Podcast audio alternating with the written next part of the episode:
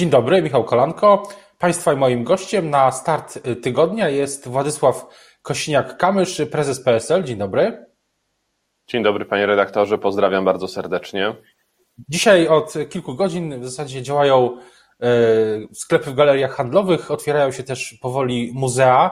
Czy pan, gdyby podjął pan decyzję dotyczącą obostrzeń, to podjąłby taką decyzję o ich otwarciu szybciej czy później? Już dzisiaj byłyby otwarte w reżimie sanitarnym hotele, restauracje, można byłoby korzystać z siłowni w reżimie sanitarnym, podkreślam, czyli nie zupełny powrót do normalności, ale w reżimie sanitarnym z ograniczoną liczbą miejsc, na przykład połowa miejsc w restauracji, połowa miejsc w hotelach, e, w hotelach testy co trzy dni, e, hotele otwarte dla ozdrowieńców. No i jest zestaw propozycji, bo my mamy strategię dla, na wyjście z pandemii dla Polski. Mamy konkretne propozycje i ustaw złożonych e, w Sejmie, choćby VAT 5% w gastronomii. E, zwolnienia lekarskie płatne od pierwszego dnia przez ZUS w trakcie kwarantanny, w trakcie właśnie pandemii, a nie przez 33 dni jeszcze obciążać przedsiębiorcę nakazami państwowymi. Więc jest wiele rozwiązań, które bym wdrożył, E, już dzisiaj, e, ale na pewno inaczej podchodziłbym do komunikacji.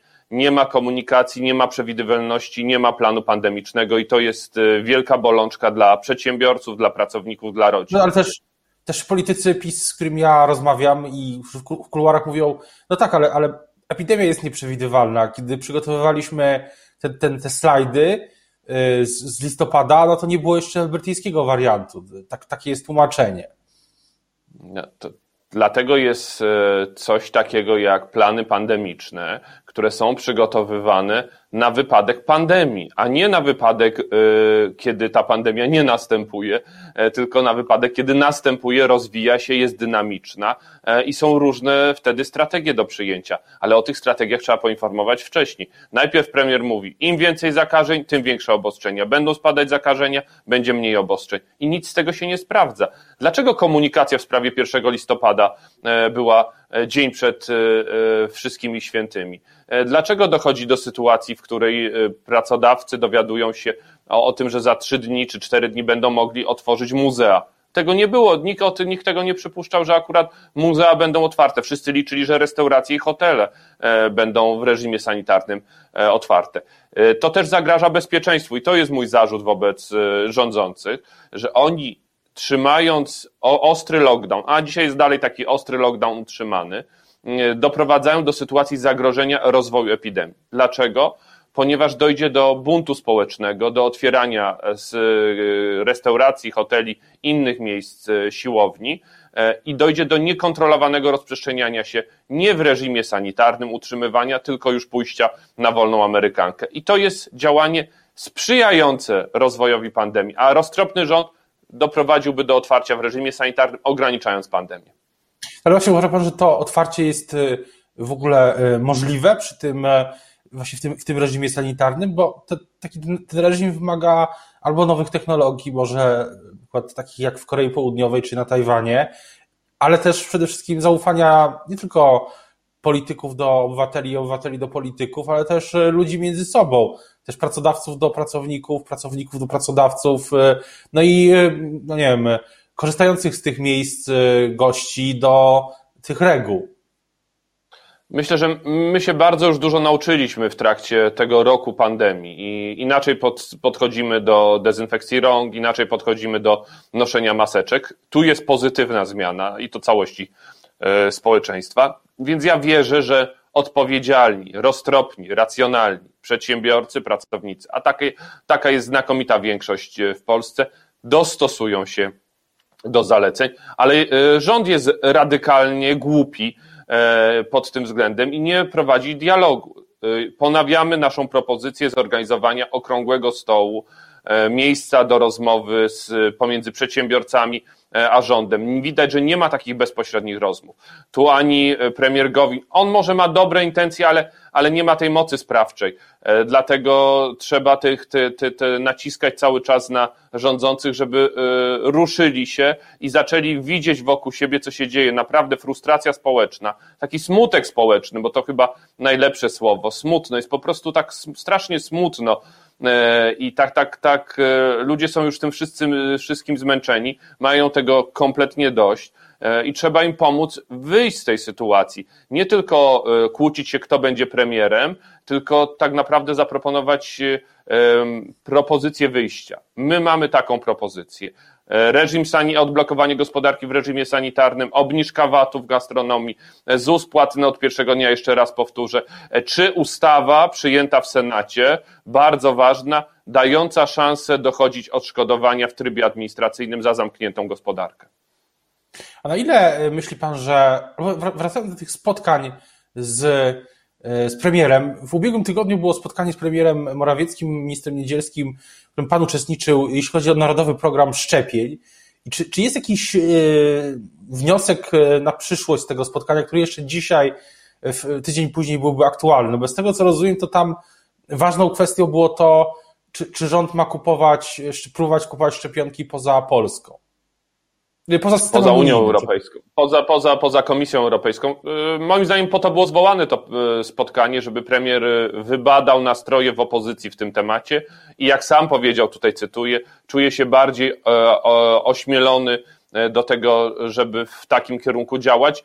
E, oczekuje dzisiaj raportu. Tydzień mija, jak wygląda sytuacja, gdzie pan premier nawiązał kontakty. No i ciekawa sprawa, wciąż nie mamy odpowiedzi, na jakim etapie utknęły negocjacje Andrzeja Dudy e, z administracją e, Trumpa w sprawie pozyskania szczepionek. To bardzo ważne pytanie, ponieważ w czerwcu padła ta deklaracja, w sierpniu jest dopiero przyłączenie się do tego europejskiego sposobu zakupu szczepionek, czyli cały lipiec, rozumiem, trwały negocjacje ze Stanami Zjednoczonymi. Może warto do nich powrócić, Chyba, że ich w ogóle nie było i to była ściema wyborcza. E, premier uciekł od odpowiedzi w tym temacie, nie odniósł się do tego, e, więc wydaje mi się, że po prostu nic się, nic się nie działo. Wczoraj dramatycznie mało osób zaszczepionych w Polsce, e, więc nie ma systemu, który zadziałał. Trzeba szukać nowych źródeł i premier powinien dzisiaj zdać raport, jakie cele osiągnął.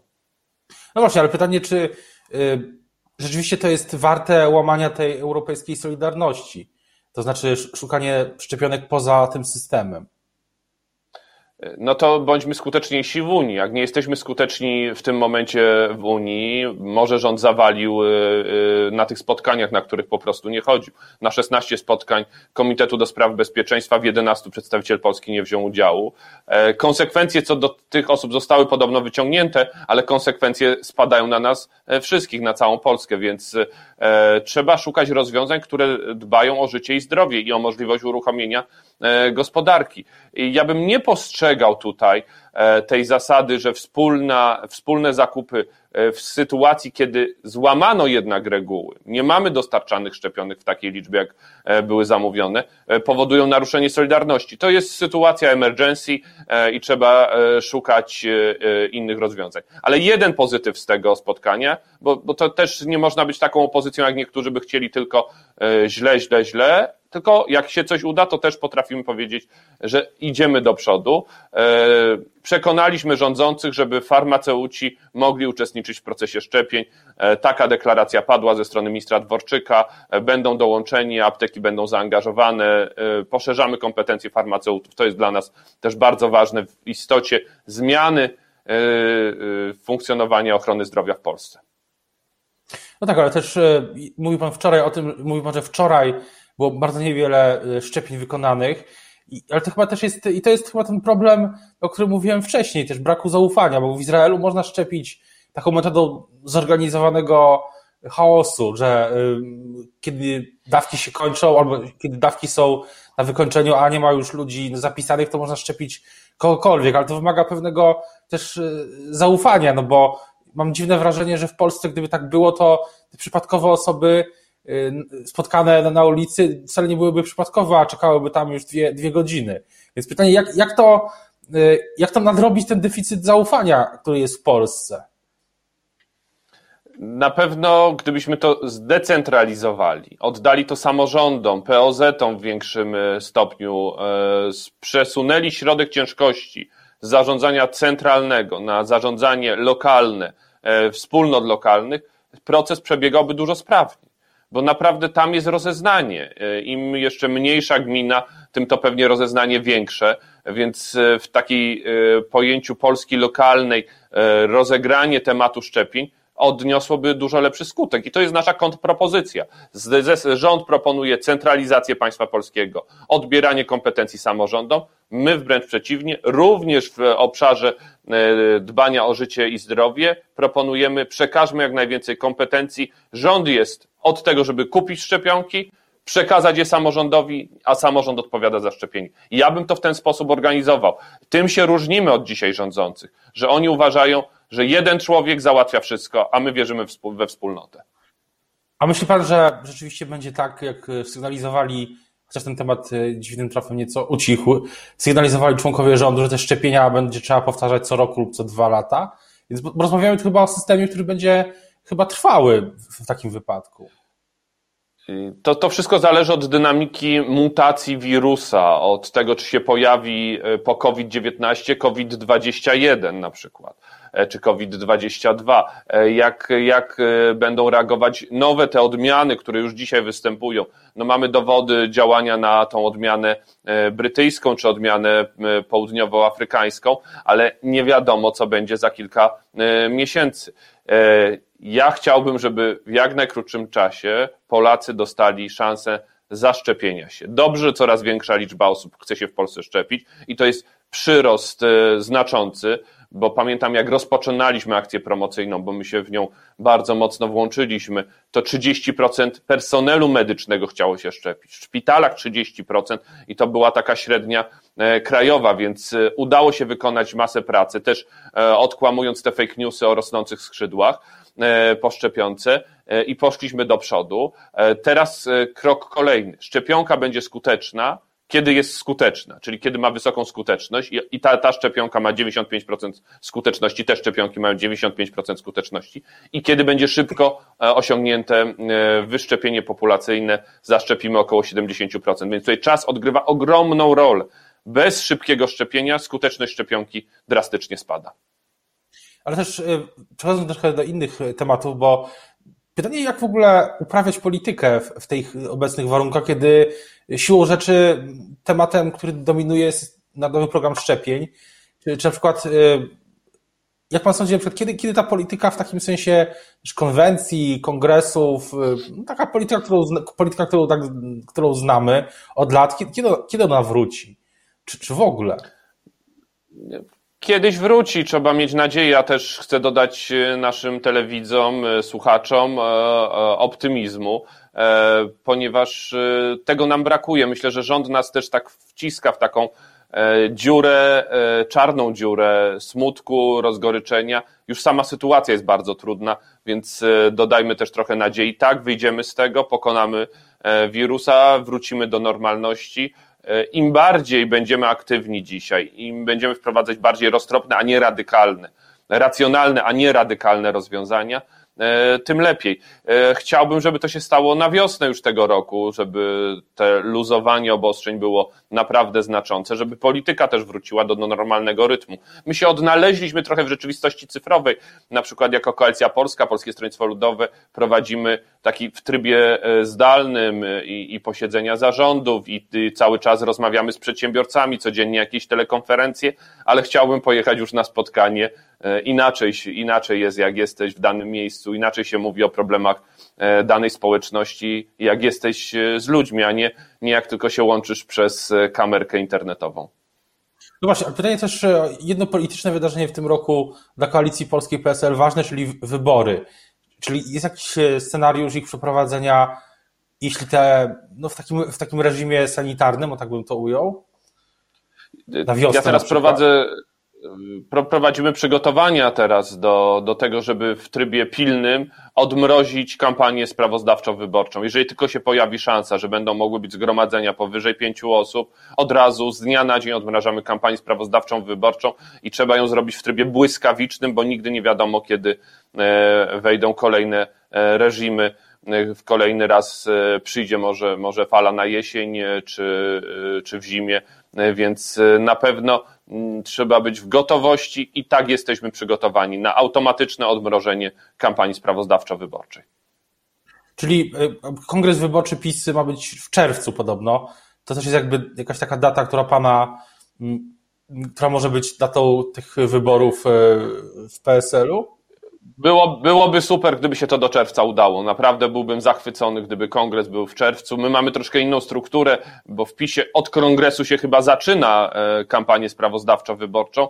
U nas na kongresie się kończy. Najpierw jest koło, gmina, e, powiat, województwo i dopiero kongres, więc e, no my mamy całą serię, dziesiątki, setki, tak naprawdę tysiące zjazdów do przeprowadzenia i to jest gigantyczna operacja logistyczna więc e, jesteśmy na nią przygotowani, tylko nas trzymają te obostrzenia. Mam nadzieję, że, że do czerwca e, uda się odmrozić gospodarkę i, i wystartować, a jakby się udało sfinalizować, no to pięknie będzie.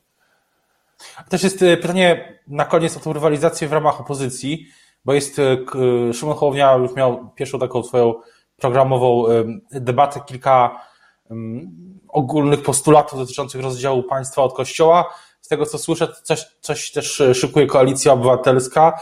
No i pytanie, co, jaki jest taki plan, nawet mimo tych warunków koalicji polskiej PSL? Pan wspomniał o tych konsultacjach z przedsiębiorcami. No to cały czas e, przedstawiamy kolejne progre, pro, projekty dla przedsiębiorców. Myślę, że jesteśmy dzisiaj taką partią polskich gospodarzy, polskich przedsiębiorców. To jest ta ewolucja PSL-u, koalicji polskiej, e, która następuje i my nie musimy zwoływać jednej jednego wydarzenia programowego, bo co tydzień jest wydarzenie programowe. E, pewnie musimy o nim lepiej informować.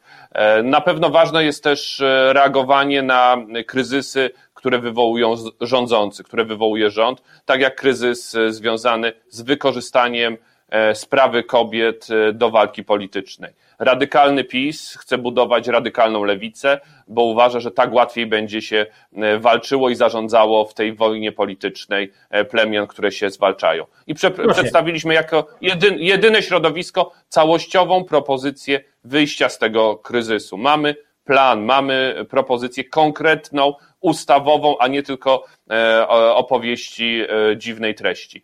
Po pierwsze, przywrócenie ustawy kompromisowej z trzema przesłankami, e, ustawy, która powinna funkcjonować, ponieważ wadliwie jest wybrany skład orzekający, w ogóle wadliwy jest Trybunał, ale sam skład orzekający był wadliwy. Pani Pawłowicz nie powinna być sędzią we własnej sprawie, a w poprzedniej kadencji zadawała takie same pytanie do Trybunału Konstytucyjnego, na które dzisiaj odpowiadało. To jest pierwsza kwestia, czy przywracamy ustawą, która jest złożona i za którą wiem, że część, duża część Platformy chce głosować. E, część nawet PiSu mówi, że chętnie by poparła no dla uspokojenia nastrojów. Ale... Kolorowe sygnały, że, kolorowe sygnały są, że, że część e, Zjednoczonej Prawicy e, byłaby chętna, gotowa ta, ta ustawa, o której Pan mówi, poprzeć. Do, dokładnie tak, bo wiedzą, że radykałowie, ta, tam trwa spór, radykałowie w PiSie E, frakcja radykalna chce budować radykalną lewicę, a dla umiarkowanych polityków w PiSie ich jest niewielu, to prawda, ale wciąż jeszcze są. E, nie, nie podoba się e, ta wojna ideologiczna i też takie cyniczne wykorzystywanie tego tematu do podziału sceny politycznej. No i rzecz docelowa w, naszym, w naszej strategii referendum, E, które powinno się odbyć zaraz po pandemii. Referendum z trzema pytaniami. Czy jesteś za liberalizacją aborcji? Czy jesteś za, za zaostrzeniem, wręcz całkowitym zakazem, tak jak Konfederacja na przykład? Czy jesteś za kompromisem, tak jak ja, bo u nas jest wolność oczywiście w klubie, w formacji politycznej światopoglądowej, ale większość Polaków i większość e, w klubie e, Koalicji Polskiej jest za kompromisem, za powrotem do tych E, zasad, które funkcjonowały, dawały z jednej strony prawo wyboru, z drugiej strony dawały też gwarancję ochrony. E, więc to jest e, możliwe, tylko trzeba odwagi i zachęcam inne środowiska polityczne, szczególnie opozycyjne, do wsparcia pomysłu referendum. Widzę, że, że już część się za tym zaczyna opowiadać, więc bardzo dobrze możemy to przeprowadzić i też narrację pokazać, że mamy swój pomysł.